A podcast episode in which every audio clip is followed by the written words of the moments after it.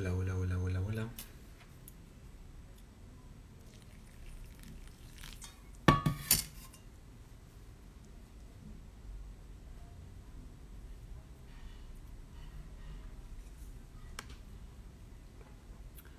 Hola, hola, ¿se escucha? Se escucha, se escucha. Hola Isabel.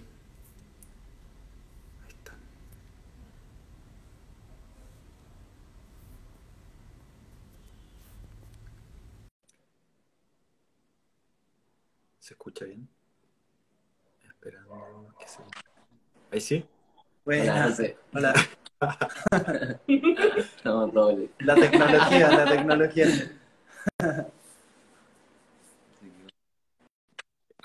Ahí sí. ¿Me escucháis bien, José? Sí, súper bien. Ya, ahora. bacán. Maravilloso. Creo que hay un, un delay, pero como de, de un 0,1 segundo, entonces ahí hay que ir. Ya. Ya. Maravilloso. Ustedes son Ya, los po. dueños. Sí, bacán. Hola, hola. Hola a todos.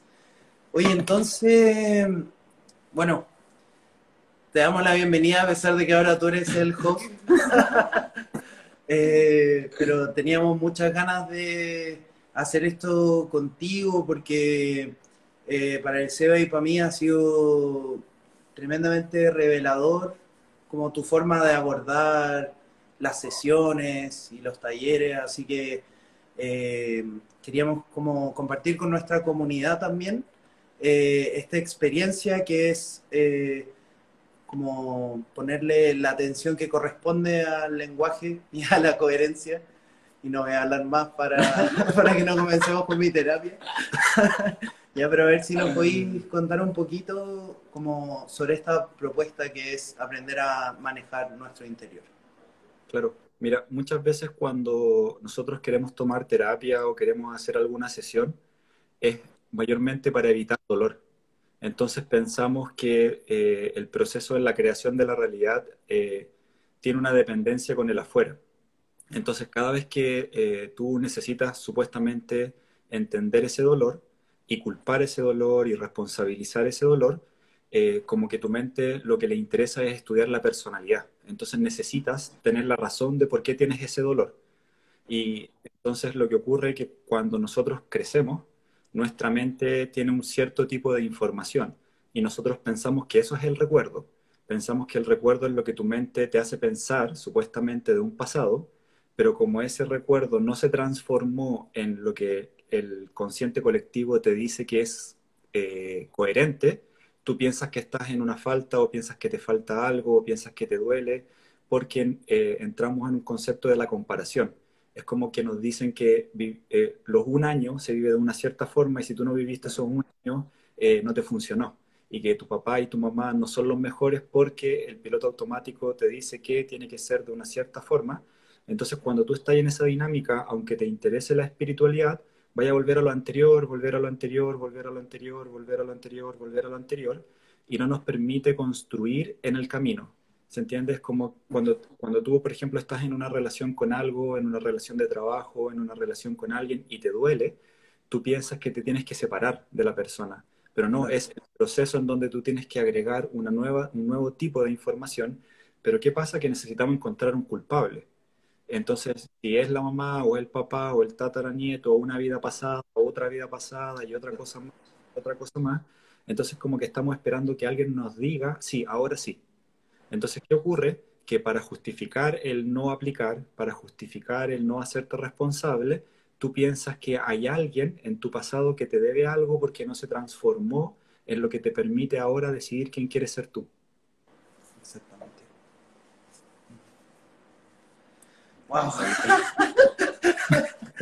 Yo sabía que iba a pasar esto. Sigo. Eh, claro, a, a, mí me pasa que naturalmente he, podido ver que en mi propia vida voy repitiendo, repitiendo, repitiendo, repitiendo. Eh, algunas veces con querer y otras veces sin querer. Eh, o sea, sin querer, entre comillas. Eh, o inconscientemente, mejor dicho. Y como ¿cuál sería el tip que nos podrías dar tú para como o sea, yo sé que es esto de ir incorporando como rituales que nos ayuden a incorporar esta, estas como estos hábitos que, que queremos tener o estas características. Em, pero nos podéis como iluminar un poquito más como con esta, como lo que acabáis de hacer. Eh, eh, es como que tenemos que dejar de pensar las preguntas que estamos acostumbrados a hacer. Entonces, como tú necesitas una técnica, un tip en eso, yo te puedo decir cualquier cosa, pero tu mente con la pregunta necesita la técnica. ¿Te entiendes? Entonces, cuando, cuando tú te das cuenta de las preguntas que tú haces, eh, en vez de preguntar qué tengo que hacer, ya tendrías que comenzar a decir qué quiero hacer. Entonces, cuando tú te das cuenta de lo que quieres hacer, eh, tú en tu vida, eh, o alguien en su vida, decidió cierto tipo de cosas que supuestamente eso le entregaban un tipo de valor. Lo que tú estudiaste, la religión que supuestamente tú sigues, el pensamiento que tú sigues, porque supuestamente eso que elegiste es lo que tú estás eligiendo porque crees que te falta en el adentro. ¿Vale? Entonces, cuando tú eliges algo en el afuera para tú tener un valor, cuando, alguien te habla del concepto de la creación de la realidad, tú vas a pasar por ese filtro constantemente le estáis preguntando ese filtro. Entonces, ya tienes un dogma y ese dogma es creer que eres tú. ¿Cachai? Y lo que hace eso es que tú comienzas a idolatrarte a ti mismo y empiezas a encontrar en el afuera cierto tipo de terapias o cierto tipo de espiritualidad que te mantengan en la personalidad de que tú tienes que seguir a alguien o que tú necesitas una técnica o que tú dependes de alguien.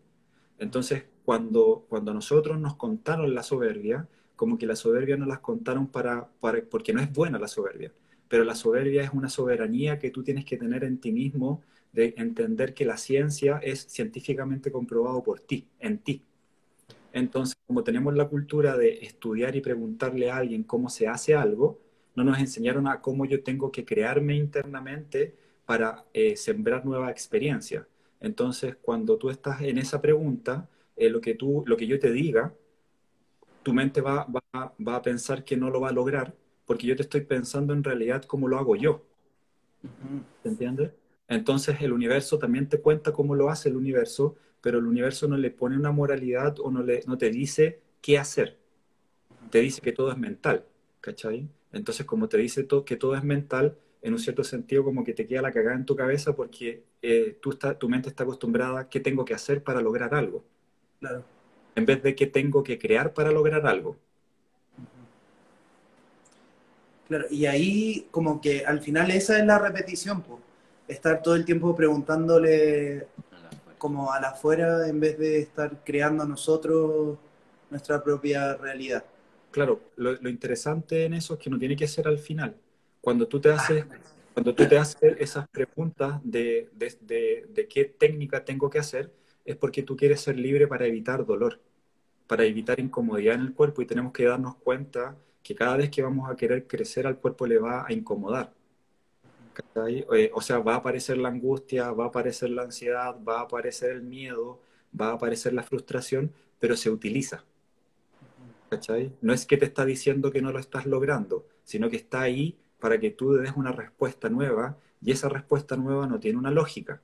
Pero nosotros queremos tener esa lógica porque pensamos que queremos lograr materia, más que la experiencia de aprender a manejarte a ti mismo y que eso va a crear una nueva información. Eh, hablando de dogmas, ayer, o sea, antes de ayer. estuvimos con nuestro maestro. Ay, hola Kaimei, tanto tiempo, sí, qué gusto verte aquí también. Eh, bueno, estuvimos con un maestro tibetano que ellos practican budismo mahayana, que es como el budismo del amor y la compasión. Eh, y me compartió una enseñanza muy bonita que hablaba sobre, y empiezo a hablar de eso todos los pájaros, la materia. Eh, bueno, es, nuestro maestro nos decía como sobre un tema que me pareció súper interesante compartir ahora, que es sobre que ellos creen que cuando un maestro consigue la iluminación, genera una estructura interna que es capaz de influir en el afuera. De la misma manera en que el afuera influye en nosotros los que no hemos entendido todavía. Entonces, como esto que tú, que tú me estás compartiendo, que tú nos estás compartiendo a todos, eh, me suena muy similar, como estar uno consciente de su estructura interna, como de sus propios métodos, mecanismos, etcétera, eh, paradigmas, em, para influir en el afuera em, a, través de al final estar consciente. Em, como, no sé, resoné mucho con esa enseñanza porque lo había escuchado justo de ti hace como una o dos semanas y después mi maestro me compartió eso, que no lo había escuchado nunca. Eh, y igual llevo practicando con él harto tiempo. Yo no me considero budista en todo caso, no practico el budismo como, como una religión, siento yo, sino más bien como que a mí me gusta escuchar de todo, de todas las personas que tengan algo para aportar. Solo quería como compartir eso porque como al final se parecen harto, o sea, no al final, se parecen harto eh, el mensaje como de las personas que se han ido liberando de su sufrimiento. Claro, es, eh, como, es, como, que también tienes que darte cuenta que la persona que entendió eso eres tú. Tú no, tú no sabes lo que él te dijo, tú sabes lo que tú entendiste. Sí. Esto suena así como muy Pero yo, yo, te estoy hablando algo, pero yo no sé qué, qué entendiste tú. Entendido. Claro. Entonces, tal vez, independientemente de lo que te cuente el afuera, tú tienes que decidir qué quieres entender en tu interior. Entonces, cuando tú te comienzas, comienzas a crear en ti qué, qué quieres entender en ti, te transformas en tu autoridad, pero no para cambiar el afuera, ¿cachai? O sea, sí, bacán eh, cambiar el afuera y lograr la vida que a ti te gusta y todo eso, pero la vida no significa la materia. La vida está, la vida está atrás de la materia, ¿cachai? La vida eres tú, la vida es tu pensamiento, eh, tu palabra, tu emoción, y te das cuenta que no eres tu cuerpo. Más que como el concepto del cuerpo en el sentido para criticar al cuerpo, para darte cuenta que tienes que aprender a dividirte de tu cuerpo y tienes que aprender a integrarte a tu cuerpo en relación a lo que te convenga por lo que tú quieres sembrar en ese momento. Entonces nosotros... ¿A qué, ¿a qué te refieres con dividirte de tu cuerpo? Cuando tu cuerpo te diga desvalorízate, te divides. Porque ¿para qué te ah. interesa encarnar esa idea? Ah. Entonces la encarnación consiste en que tú decides qué que tu cuerpo diga de ti. ¿Se entiende? O, o, cómo, o cómo tú lo manejas. Pero ¿qué pasa? Que a veces sí estamos logrando lo que queremos lograr, pero como se siente incómodo, pensamos que no lo estamos logrando porque se siente incómodo, porque la regla supuestamente te dice que eso que estás sintiendo es algo malo. Entonces, pensarlo desde esa moralidad, en verdad, tal vez tú puedes dar, decir, escuchaste lo mismo, no es que escuchaste lo mismo, es que tú ahora estás creando lo mismo. Estás creando personas que te están contando cómo es tu interior, más que lo que escuchaste. Sí, me, me pasa además que cuando nos habláis con este lenguaje, eh, como que mi ego se molesta un poco y otra parte de mí como que siento como una calma. Una, es como súper confuso. claro, lo que pasa es que ahí nosotros tenemos que entender que em, muchas veces cuando nosotros queremos pensar algo nuevo, queremos crear desde lo nuevo, eh, le hacemos caso a la sensación del cuerpo. Y nosotros pensamos que la molestia no enseña, sino que la molestia te está diciendo que te están atacando. Entonces, ¿qué hace el ego o tu pensamiento piloto automático que conoce la estrategia y más interesante que es que eh, tú piensas que estás defendiendo una razón. Claro. No que, alguien te está contando una historia. Claro, claro. ¿Se entiende? Yo ahora te estoy contando una historia. Entonces, eh, lo, lo, que hace eso es que tu mente piensa que yo te estoy diciendo que lo que tú hiciste está mal. Pero en verdad yo te lo que claro, lo que yo te estoy nombrando es que te estoy diciendo que tú tienes la responsabilidad. Y muchas veces el ego cuando siente la responsabilidad te dice, no, bueno, podéis tener la responsabilidad. Sí. Sí.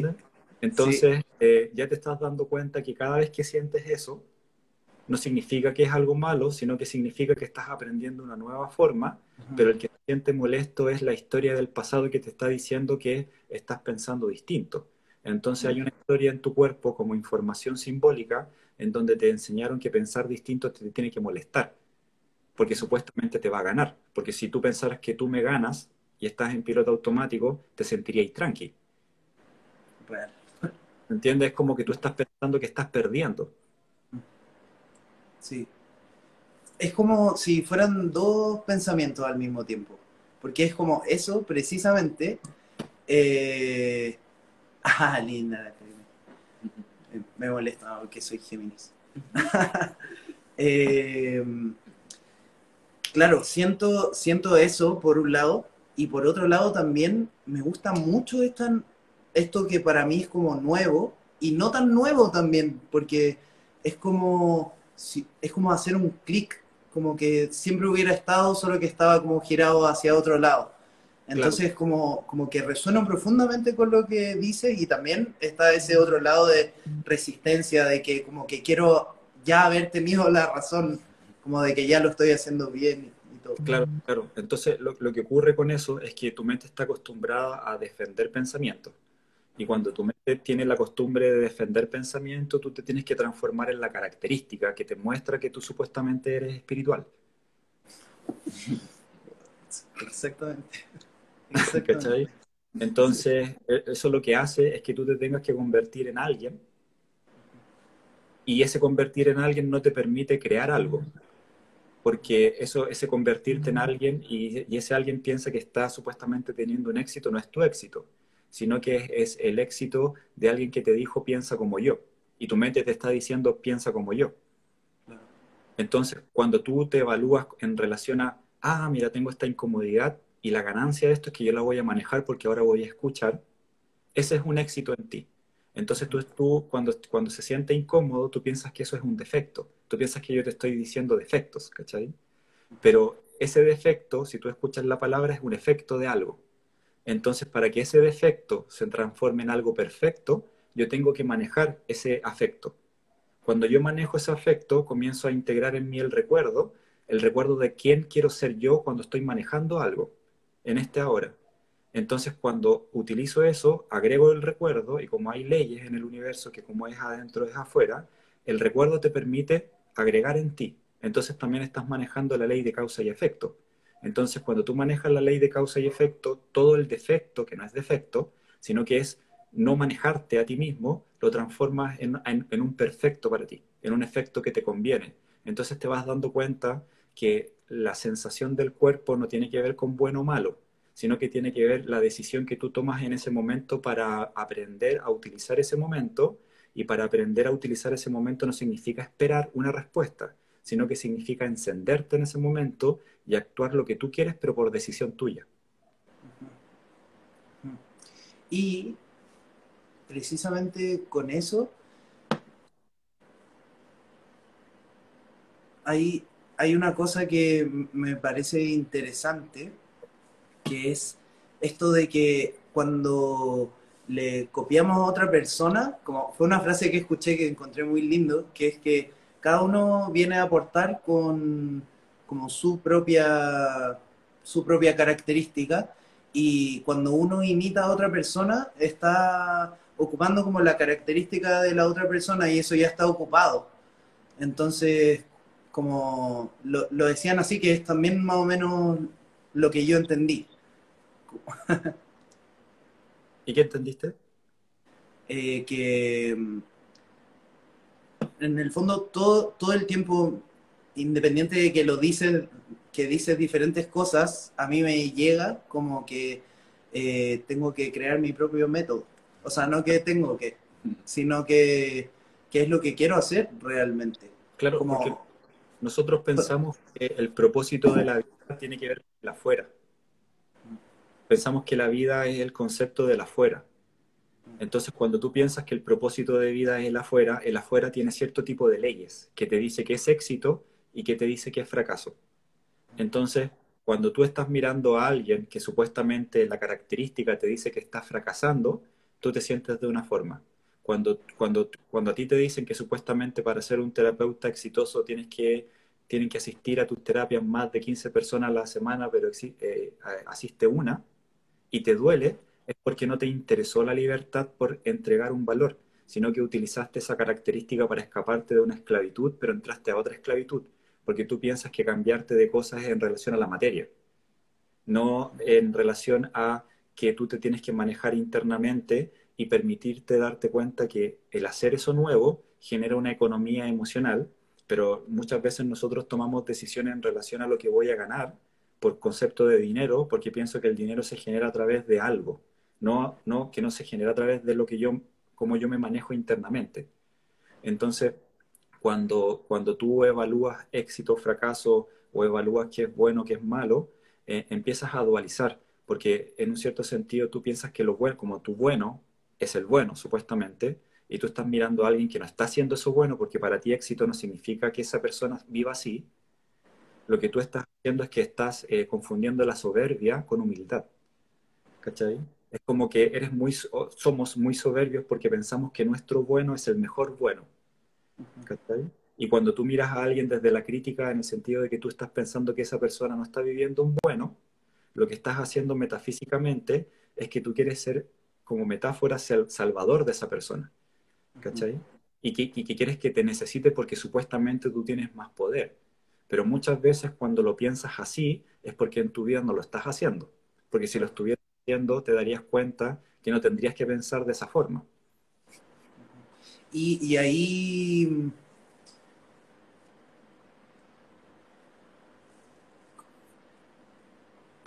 cuando, cuando uno ocupa ese lugar, como naturalmente nos estamos desvalorizando, como poniendo la atención allá.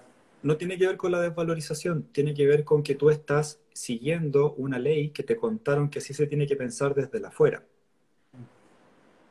Entonces, y esto es como de esos paradigmas como que uno aprende cuando chico. O sea, lo aprendiste cuando chico o cuando sea que lo aprendiste, pero es una forma de pensar no significa que sea ni bueno ni malo la verdad absoluta. ¿Entiendes? Tú también puedes pensar en, bendecir a esa persona en el sentido de que si está viviendo eso es porque es un proceso que tiene que utilizar, pero entiendo que en nuestro cuerpo se siente como algo injusto.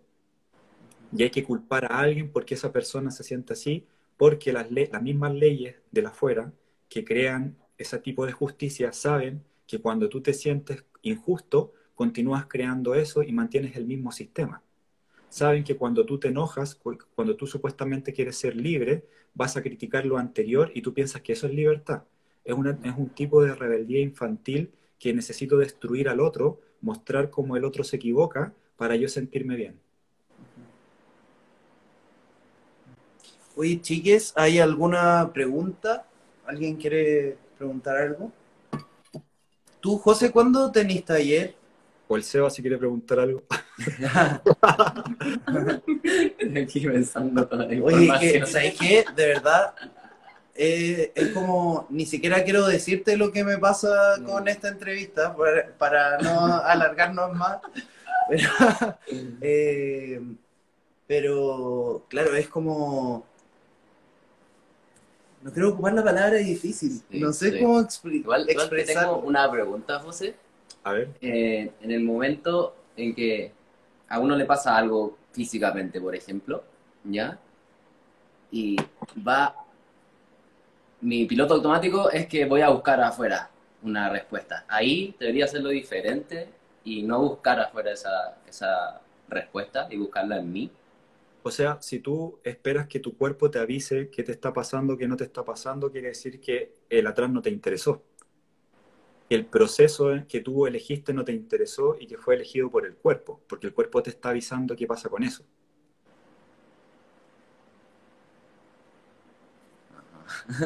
Entonces, si tú haces, si tú evalúas en relación a lo que ese cuerpo te dice, la respuesta que tú vas a obtener, independientemente que sea adentro o afuera, va, a ser, va a tener que ser coherente a que te molesta el cuerpo. Y necesitáis mantener esa personalidad. porque tú estás eligiendo, eligiéndote cuando el cuerpo te avisa, oye, elígete porque te molesta.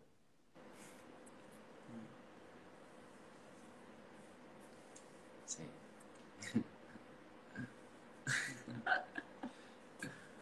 ¿Qué opinas del símbolo de Cristo crucificado en relación al plano físico y su utilidad, su objetivo?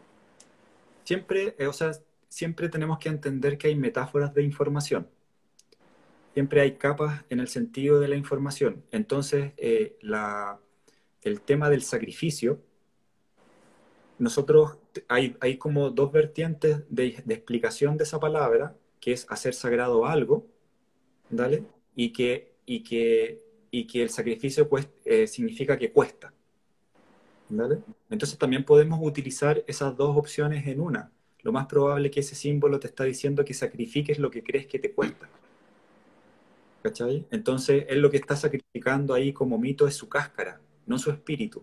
Entonces, la cáscara era lo que lo limitaba, la cáscara era lo que lo crucificaba, la cáscara era lo que lo trataba mal. Entonces, él tal vez lo más probable que Cristo significa el que se elige a sí mismo. Ahora sí se eligió a sí mismo, pero necesitaba ser un símbolo para cambiar de un plano. Entonces te enseñó que el sacrificio, cuando se elige como sacrificio, en el sentido de que te cuesta, tienes que pasar por todos esos procesos. Pero cuando eliges el sacrificio desde hacer sagrado algo, independientemente de lo que te ocurra en tu vida, vas a hacer sagrado eso. No significa que sea ni bueno ni malo, pero lo vas a hacer sagrado.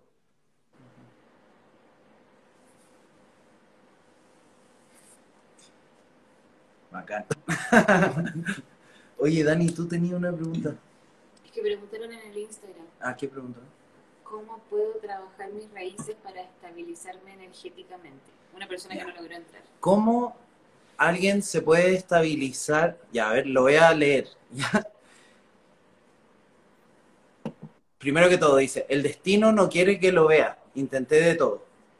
Eh, ¿Puedo dejar una pregunta para verla después? Ya. ¿Cómo puedo trabajar mis raíces para estabilizarme energéticamente? Eso. Gracias. Claro tenemos que entender que la estabilidad, nosotros pensamos que eso significa que te resultó. Quizás ella en verdad ahora está eh, no en una estabilidad porque ahora tiene que decidir qué significa sentirse en ese momento. Entonces, si ella cree que las raíces, por ejemplo, están anclado eh, a la tierra, va a depender de la información del concepto de la tierra, de lo que ella piense que es, que es la tierra, que lo que ella piense que es la energía de la tierra, lo que ella quiera pensar pero tal vez si sus raíces lo, las agrega a la energía del universo, a veces es, algo complejo porque cuando tú, te, cuando tú entras las raíces al universo tienes que decidir, ¿cachai? Cuando tú agregas las raíces a la Tierra, como que la Tierra ya tiene un protocolo de qué supuestamente hay que hacer. Por eso mucha gente quiere anclarse a la Tierra. Entonces, cuando tú te, tus raíces eh, se, se, anclan en la energía o en el universo, en un cierto sentido vas a entrar una, eh, vas a sentirte, vas a sentir un desequilibrio, pero ese desequilibrio es armónico porque ese desequilibrio es parte del proceso de lo que tu mente piensa que es una verdad. ¿Me entiendes? Es como tú vas a subir a un, imagínate que tú subes a un edificio y al piso 12 y subes a la, al, al, techo del, del piso 12 y estás en la baranda y, tu, y tus ojos ven que hay eh, piso en los dos lados, que hay suelo en los dos lados. Y tú te vas a sentir tranquilo, porque tú estás observando que hay suelo en los dos lados y vas a correr, vas a caminar, ¿se entiende? Entonces, cuando tú de repente ves que en un lugar no hay piso, porque no se ve lo que tu mente dice que supuestamente significa seguridad, tú piensas que entras en una, eh, que, que, que comienzas un desequilibrio, porque supuestamente te da miedo. ¿Se entiende? Entonces lo más interesante que tal vez tenga que hacer ella es que ella decida en cada momento que lo que está viviendo es algo de estabilidad, pero tiene que decidir cómo manejarlo. Porque si quiere una técnica, lo que va a hacer es que va a estar constantemente dependiendo de la técnica y la técnica le va a servir para un tipo de personalidad que genera un tipo de realidad. Entonces, cuando quiera cambiar de realidad o quiera cambiar la personalidad, como va a necesitar algo nuevo, va a seguir utilizando la misma técnica y va a obtener los mismos resultados, porque quiere mantener la personalidad que se aferra a esa, a esa raíz. Aquí hay una pregunta. ¿Cómo te anclas en el universo? Sí, lo que pasa es que más que el cómo, tiene que ella entender que ya tiene que comenzar a decidir. Porque si hace esa pregunta, quiere decir que ya sabe. El tema es que no se atreve. O sea, cuando ya alguien se hace la pregunta, ah, ya, ahora ya creo que tengo que anclarme al universo y pregunto el cómo, porque quiere preguntarle la experiencia del otro, pero no como en el sentido de, de hacer, sino que en el sentido de imitar y copiar. Entonces es un tipo de realidad en el sentido que piensa que el otro sí le está funcionando y a ella no. Entonces, si se está haciendo esa pregunta es porque ya está, claro. pero hay que crearlo. Y ahí entonces, nuevamente es crear nuestros propios rituales, nuestros propios métodos. Claro, pero el cambio, ahí el cambio sería más que, más que por lo que, por lo que pasa es que ella pregunta cómo lo hago, por lo que va a recibir. ¿Por lo que qué? Dijo por lo que quiere recibir. Ya. Cuando tú dices, cuando en tu mente está la pregunta, ¿qué tengo que hacer? o cómo lo hago, es porque en su mente piensa que va a recibir algo mejor de la afuera. ¿Se entiende? Entonces, si ella sabe, si ella entiende que en cada momento lo que tú vas a recibir es una personalidad, no una materia, sino que vas a recibir una intención, no una materia, porque la materia es un estuche, ella comenzaría a darse cuenta, ah, mira, quiero recibir alegría. Entonces, como quiero recibir alegría representada en una casa, en un auto, en una persona, en lo que sea, ella comienza a actuar la alegría, pero tiene que inventarla. Pero su cuerpo le va a decir, no, pero eso no es alegría, porque acuérdate que alegría significa eh, saludar al sol y decirle al sol que tú no estás saludando al sol, y ¿se entiende? es que acuérdate que alegría significa que tu mamá tuvo, tuvo que meditar y tu mamá no medita, ¿cachai? Tu mamá lo que hace es que te critica. Entonces, como tu mamá te critica, no es sagrada, y empieza tu mente a generar todo un protocolo para que entiendas que no estás preparado.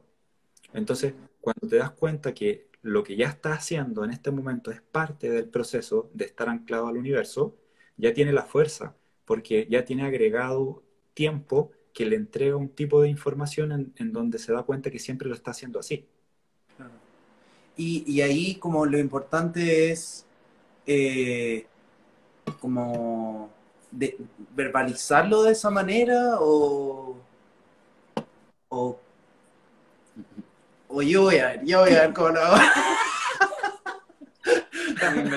Sí, me Lo importante ahí es que tienes que darte cuenta que tú eres el importante. Entonces, si ya te estás dando cuenta de eso, es un tremendo trabajo que hiciste. Entonces decirte, mira, imagínate que ahora estoy decidiendo qué pensar. Que alguien se dé cuenta que supuestamente puede decidir qué pensar es un trabajo tremendo, porque es una evolución de pasar de un animal, ¿cachai? A algo o a alguien que se dé cuenta que está en una historia y que es un mito de una información, que es una historia que puede llamarla Dios, ángel, Dalai Lama, lo que sea, encarnación, pero ya te diste cuenta. Y eso, es, esa intención te entrega un valor muy interesante. O sea, más que entregarle un valor, tú le entregas un valor porque te, das, te diste cuenta que tú constantemente estás regalando valor. Qué lindo. Estamos hablando de cómo nos manejamos internamente. Hay una pregunta más arriba sagrado es que lo utilizo a mi favor. ¿Cómo? Sagrado es que lo utilizo a mi favor. Sagrado significa, es como, sagrado tiene como un significado en el sentido como de ser alto. Pero el tema interesante es que lo sagrado tiene que ver con que tú eres una decisión y que tú eres una información de, de, la, de parte de un, supuestamente de un infinito, de un Dios, pero en nuestra mente nosotros pensamos que sagrado significan características. Y es que cuando aparece el, monje Shaolin, ahí tenéis que estar sagrado, ¿cachai? Cuando aparece el tipo con barba blanca, ahí sí, oh sí, ¿cachai? Pero cuando aparece tu mamá, no, no podéis estar sagrado, porque tu mamá no es sagrada, ¿cachai? O que tú, no, o que, o que no sé, que va en la micro y eso no es sagrado porque hay que criticarlo porque está mal. ¿Entiendes? Que cuando estás mirando la televisión eso no es sagrado porque la persona que está hablando ahí no es coherente con lo que tú crees que es bueno y como no es coherente con lo que tú crees que es bueno, piensas que la otra persona es la mala. Entonces eh, hay, que tener, hay que estar atento a ese pensamiento porque muchas veces nosotros pensamos que salir de la jaula hay que destruirla. Y si nosotros pensamos que salir la jaula, que, que salir de la jaula hay que destruirla, te va a interesar toda la conspiración de la conspiración de la conspiración de la conspiración de la conspiración de cualquier tipo de conspiración para que tú sientas que lo que el otro lo está haciendo mal. Y lo que hace eso es que no te permite entender el concepto de cómo funciona el universo y para qué sirve lo negativo y para qué sirve lo malo. Sirve para que tú cambies tu conciencia de ti.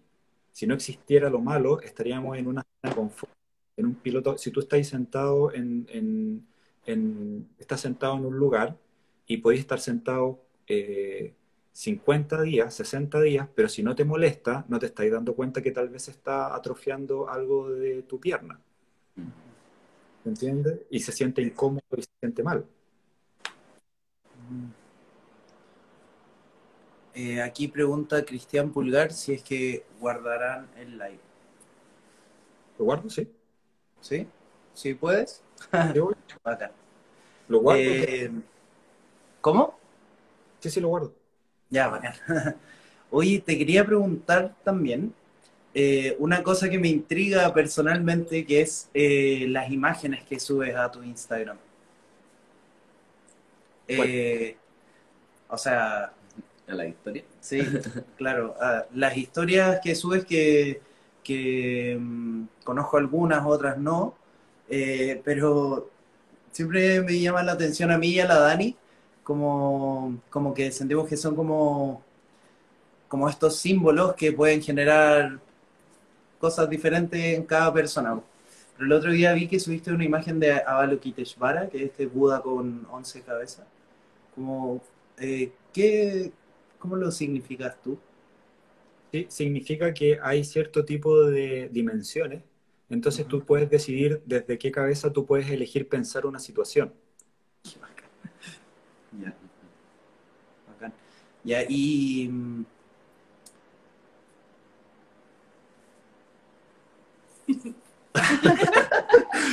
Eh, me da risa tener esta conversación en vivo. que mi ego zapatea para no equivocarse. Eh, pero bueno, ya, me voy a lanzar. Que, em, bueno, a mí me pasa como con estas em, imágenes que tú compartes, que, que, claro, pienso en este mismo tema de la simbología y de cómo las palabras también son como, son como símbolos también. Em, eh, entonces, como, ¿me podrías decir un poquito como tu visión sobre, sobre esto? Como, ¿por qué pasará esto de que todos lo entendamos diferente? Como, ¿por qué tendremos que ser todos diferentes? ¿Cómo, ¿Has reflexionado algo sobre eso? No te entendí nada. Me, me refiero a que eh, al final, o sea, no al final, ya, ahora, lo que yo entiendo es que cada ser tiene que eh, ubicarse como desde su autenticidad, como preguntarse adentro y estructurarse como, como uno desee. Claro. Eh, que yo me pregunto, ¿en qué momento habrá ocurrido como esto de que todo, como que empezáramos a preguntar afuera eh, y como de la historia me refiero, porque yo siento que en lo que he estudiado como de las tribus ancestrales, como que se daba mucho más esto de la individualidad y que cada persona tenía como eh, la posibilidad de ser como único y después como nos encontramos a lo largo de la historia como con culturas o religiones o dogmas, etcétera, que, que te dicen como sea así para conseguir esto. Eh, entonces, como son dos preguntas en realidad, como ¿por qué habrá pasado eso? ¿Cómo crees tú? Y eh, mi otra pregunta es eh, como ¿por qué será que tenemos que ser diferentes? no sé si se pueden responder Sí, esas mira. preguntas en realidad. Lo- yo siempre me he preguntado cuando, también siempre cuando alguien se da cuenta. ¿Cachai? ¿Cuándo, ¿Cuánto alguien se da cuenta? Porque a mí también me, me ocurre que, no sé, hace cinco años recibí una info, ¿cachai? Alguien me contó algo y hoy día me di cuenta. Claro. Entonces yo ahí me pregunto qué proceso tuve que supuestamente vivir o aceptar o dejar de ser o dejar o qué decisión tomé para que eso hiciera clic. ¿Cachai? Entonces, eh, tenemos que entender que eh, nosotros tenemos un proceso y ese proceso es en relación a un cierto tipo de dimensión. Nosotros estamos en una dimensión que tiene un proceso. ¿Se entiende? Pero lo interesante de ese proceso es que también te dice que tú puedes agregar más procesos en ese mismo proceso. Por ejemplo, ustedes viven en una misma casa, que supuestamente es un mismo proceso, pero están eh, pensando cosas distintas, o sea, son dos procesos distintos. Y ustedes pueden entender, o supuestamente pueden aplicar, que pensar distinto también los une y genera un- una virtud, por algo están juntos. ¿Se entiende? Entonces, cuando tú te das cuenta cómo funciona ese proceso, vas a encontrar quizás la información que te, que te sea más coherente a ti como individuo para que tú entiendas que tú sí generas tu realidad. Porque esto se abre a posibilidades. Alguien puede entenderlo con un budismo, alguien puede entenderlo con una cábala, alguien lo puede entender trabajando en una ferretería. Siempre lo vas a entender, ¿cachai? No significa que no se está dando cuenta, no significa que no, se, que no está ocurriendo, significa que todo lo que está detrás de la materia te lleva hacia una divinidad. ¿Se entiende? Por eso te interesa, por eso le interesa tanto. Cuando a ti te gusta algo, es porque tú entendiste que detrás de eso hay divinidad, ¿cachai? Y lo que te interesa es la divinidad, pero como estamos en un espacio-tiempo que nos dice que hay que ser de una cierta forma, te tiene que gustar algo, tú piensas que te gusta la cáscara, más que lo que enciende en ti. Entonces, cuando tú te das cuenta que tú ahora quieres encender algo en ti, aparece la información de la materia en donde se empieza a abrir. ¿Y cuándo, cuándo comienza eso? Cuando quieres ser responsable de ti mismo, porque tú quieres cambiar tu vida, tú quieres cambiar tu mundo, pero no quieres cambiar el mundo, porque sabes que no puedes cambiar el mundo, porque el mundo en sí ya tiene su propio proceso. Entonces puedes entender que al crear tu mundo y que cada persona puede crear su mundo y pueden convivir en esa, en esa información, se abren tipos de posibilidades que te van a mostrar quizás lo que tú quieres entender.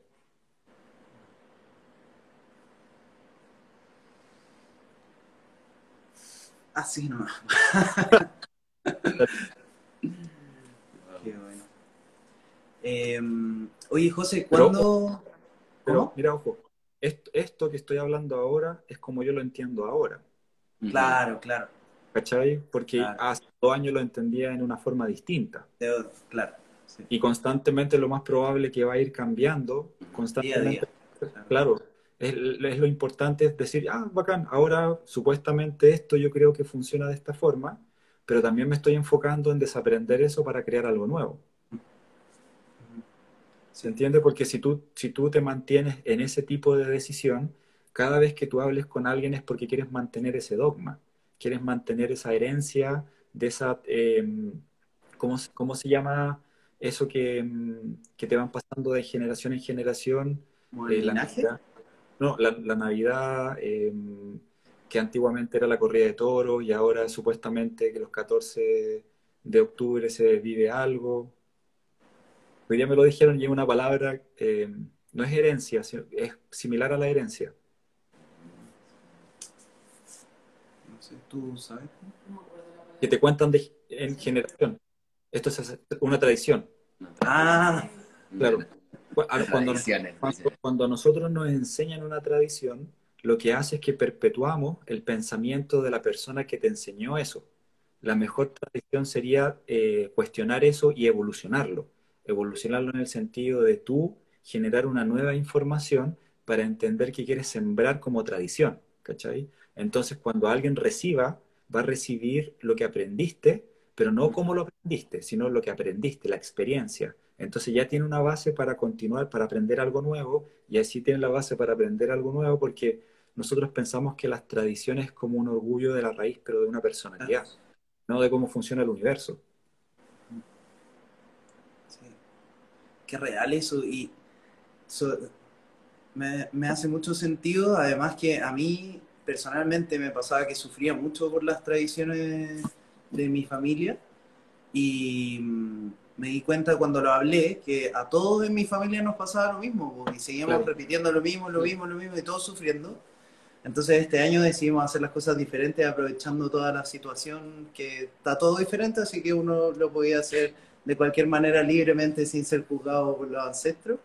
Así que eh, decidimos hacer diferente la Navidad y no regalarnos cosas, por ejemplo, eh, o celebrar el Año Nuevo en la tarde en vez de en la noche.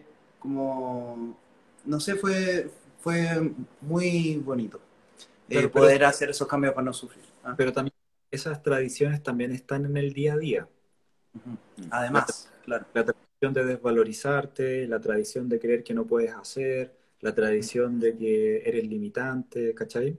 También hay que darse cuenta de ese habitual, porque en un cierto sentido nosotros pensamos que la tradición está anclado a ese día como importante, porque Claro. ese día es importante, pero lo importante eres tú entregándole un nuevo valor al día. El día necesita que tú le digas cuál es tu oración, tu horario, ¿cachai? Le- eh, el día necesita que tú le des una nueva experiencia. ¿Sería ir transformando la tradición día a día, como constantemente? O sea, lo, lo- lo interesante, lo interesante de esa pregunta es transformar, es transformarte tú, no la tradición, porque si tú transformáis la tradición, tú no estás en eso, tú estás transformando la tradición. Entonces, es cómo tú decides quién quieres ser, entendiendo, entendiendo que hay ciertas situaciones que tienes que decirle que no, y hay ciertas situaciones en tu interior que tienes que decirle que sí, y de, ahí ir revisando cómo va funcionando la materia supuestamente como, como tú piensas. Entonces tú dices, hoy día voy a tener la tradición en valorizarme, ¿cachai? La tradición de elegir quién quiero ser y empezáis a observar. Pero cuando tú eliges quién quieres ser, lo que va a aparecer mayormente no va a ser algo, alguien que te va a decir, bacán, lo estáis logrando, sino que va a decir, va a volver al estado anterior, lo no, lo no resuelto, lo que no solucionaste en, en la acción pasada, va a aparecer como algo negativo y tú lo sentiste negativo y dijiste, oh no, no lo puedo hacer, es muy difícil. No, sino que es cuando entraste en esa sensación, ahí es porque ya lo estás logrando. El tema es que tienes que mantener la decisión aunque tu cuerpo te diga incómodo o que no lo estás logrando o que no se puede hacer. Porque muchas veces nosotros también seguimos tradiciones de, de familia, la tradición de no atreverse a hacer algo, la tradición de creer que no se puede hacer, la tradición de que hay que culpar a alguien, ¿cachai? También esos son tipos de tradiciones que tal vez ya no te convienen tanto, sino que te permiten darte cuenta que ese es como pensaba una historia, pero no significa que sea ni bueno ni malo, sino que su experiencia y lo que te interesa es la experiencia, más que cómo lo hizo. Oye, José, ¿y cómo cambias tus creencias limitantes? Eh, no actuándolas.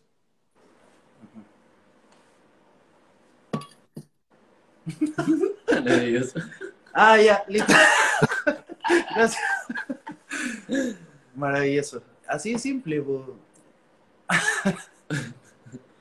Em, el, Modismos. ¿El modismo podría ser un caso diario de limitaciones? O sea, tú puedes utilizar el modismo que te conviene para generar lo que tú quieres. Es como dar por obvio algo. Tú puedes utilizar una moda del futuro que todavía no existe, te conectáis con esa moda, que sea la moda que todos ganen.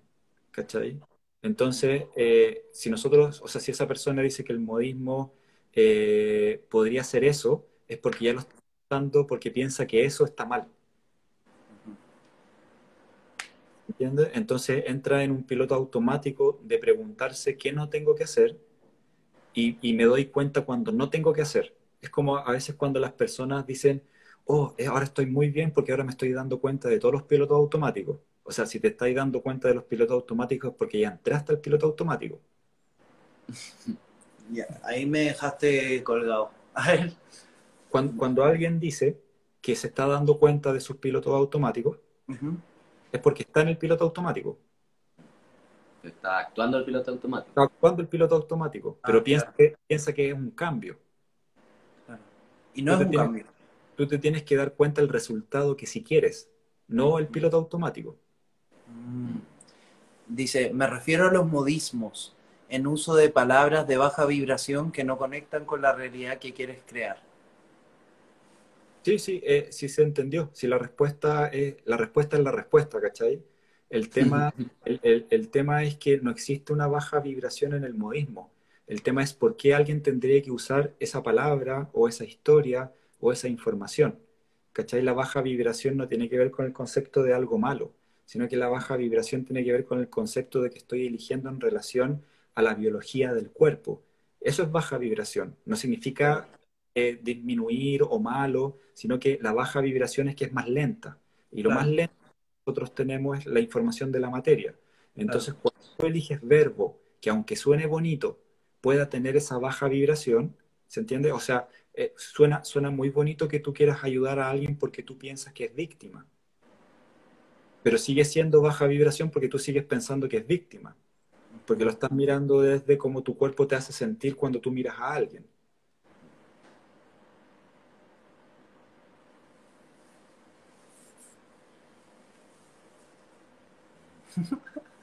Está clarito hoy. Em, yo me siento muy feliz con esto, ya tranquilo, muy agradecido de ti, José. La verdad es que tengo para, para unas semanas ahora de reflexión nuevamente. ¿Cómo hace el live de A3? Ah, es que estamos nosotros dos en el mismo Claro. espacio físico. Viviendo juntos. Claro.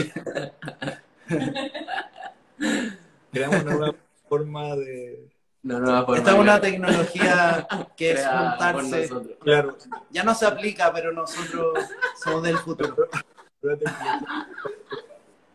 ¿Cómo no te escuché nada? La- una tecnología antigua es juntarse con personas. Claro, claro. Claro. Sí, pues eso es tecnología antigua. Qué buena.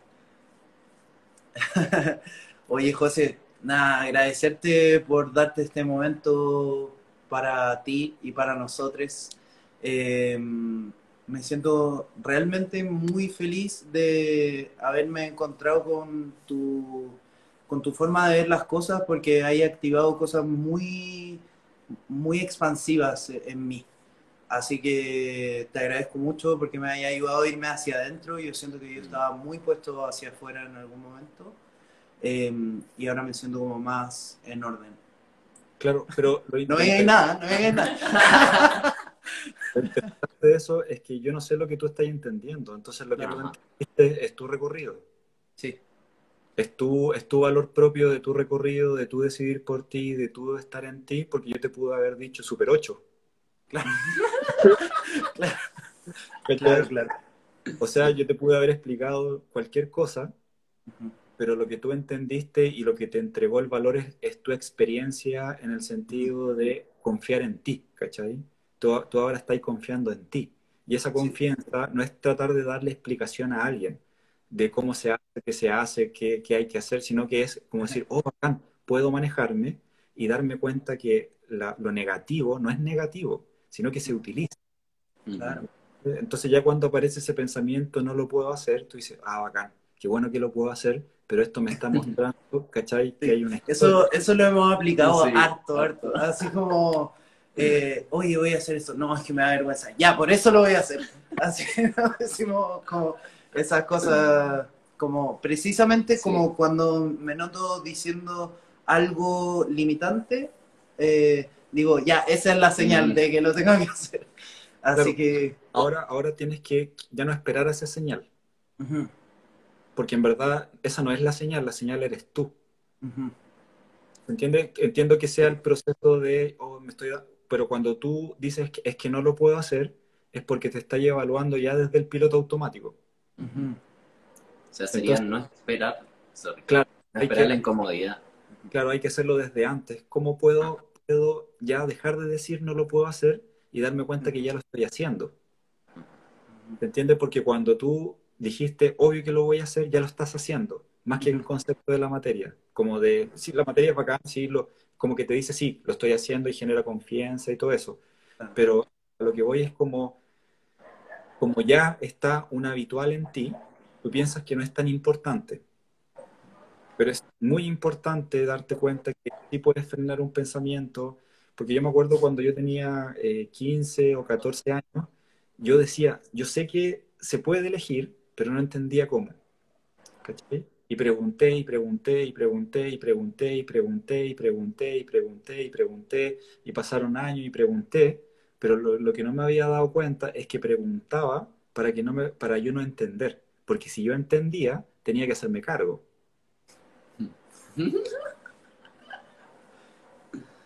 Claro. ¿Se entiende? Y muchas veces cuando aparecen situaciones para que tú te hagas cargo, te tienen que doler, porque le incomoda al cuerpo. Entonces, como le incomoda al cuerpo, te duele, tú dices, oh, sí, ya tengo que cambiar.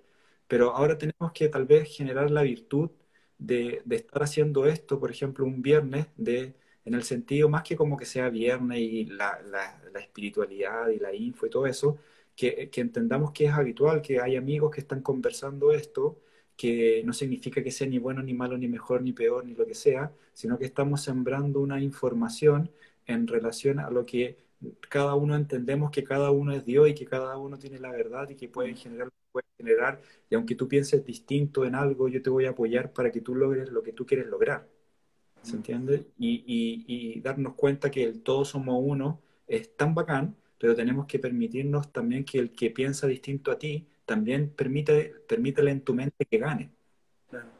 Metafísicamente, agrégale, darle un bienestar, bendícelo, más que estar criticando al otro o culpando al otro, lo que sea al otro.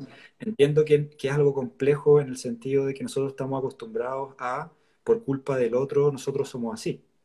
O el otro, la otra, o quien sea, ¿cachai? El Dalai Lama, la conspiración del ojo de, de no sé qué, ¿cachai? Porque en verdad vaya a quedar en esa y cuando tú te das cuenta que vais subiendo niveles en el sentido de dejar de identificarte a una característica, te das cuenta que en verdad la soberbia no existió, que el mal no existió, que es un proceso, pero hay que empezar a entrar en ti, entrar y mantenerte y, y darte cuenta que la sensación que tú estás sintiendo es una subjetividad y que la percepción es la clave. Entonces hay que aprender a manejar la percepción.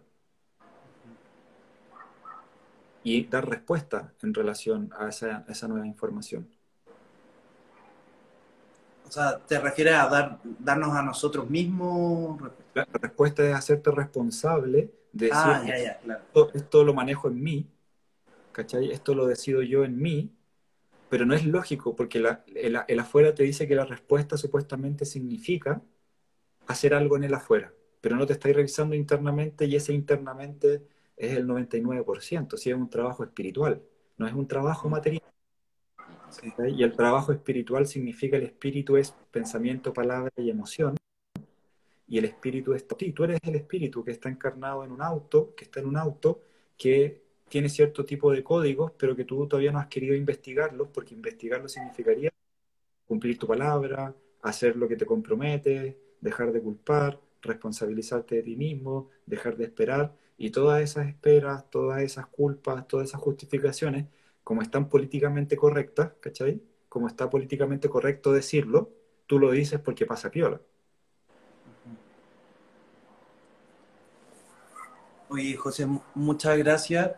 ¿Y nos podéis contar cuándo tienes taller para que sepan las personas que están mirando? Mira, este jue- es el jueves 28. eh, dicto el taller Desequilibrio Armónico, se los recomiendo mucho. Es cómo aprender a utilizar la incomodidad del cuerpo en lo nuevo a tu favor y que también hay cierto tipo de información en capas de información. Es como una puna, pero que estás creciendo. Y el sábado 30 a las 10 de la mañana dicto el taller contigo mismo, en donde tenemos que entender que eh, tenemos que aprender a utilizar eh, la percepción, tenemos que entender que el cuerpo tiene cierto tipo de códigos y entender que cómo funciona el universo, cómo funciona tu psiquismo, cómo funciona tu cuerpo. Entonces, cuando sabes cómo funciona eso, para ti va a ser más fácil, porque cuando tú manejas algo, miraste la instrucción y sabes cómo funciona, es fácil. Para ti es fácil ahora llegar a tu casa porque sabes cómo llegar. Entonces, cuando tu vida es algo difícil o tú piensas que la vida es algo difícil, es porque lo piensas desde el afuera y no entiendes cómo funciona la información en tu interior y que tú la tienes que manejar. Genial. Muchísimas gracias. Entonces, todos y todas invitados, Mm. invitades a este a estos dos talleres que va a realizar el José. Si quieren más información, lo pueden ver en la página del José o en Completitud, Claro. Que también ahí las terapias individuales, si quieren participar en algo. Además, sí, se los recomiendo Yo mucho. también. Yo, bueno, ambos vivimos esa terapia, esas terapias, así que las recomendamos. Son, pero para valientes, ¿eh? Para valientes. Así Recuerdo, desde su día la sanación ya. Sí, oye, de verdad, Muchas gracias. sí, muchas, muchas gracias y que se repita. sí, Maravilloso. Ya, pues, José, que estés muy bien. que gracias. Buenas noches y gracias a todos y todas por presenciar aquí. Están recomendando también la terapia Sí. de José. Sí, y hay, que, Sí. hay que disfrutar aprendiendo. Sí, hay que Eso. disfrutar también.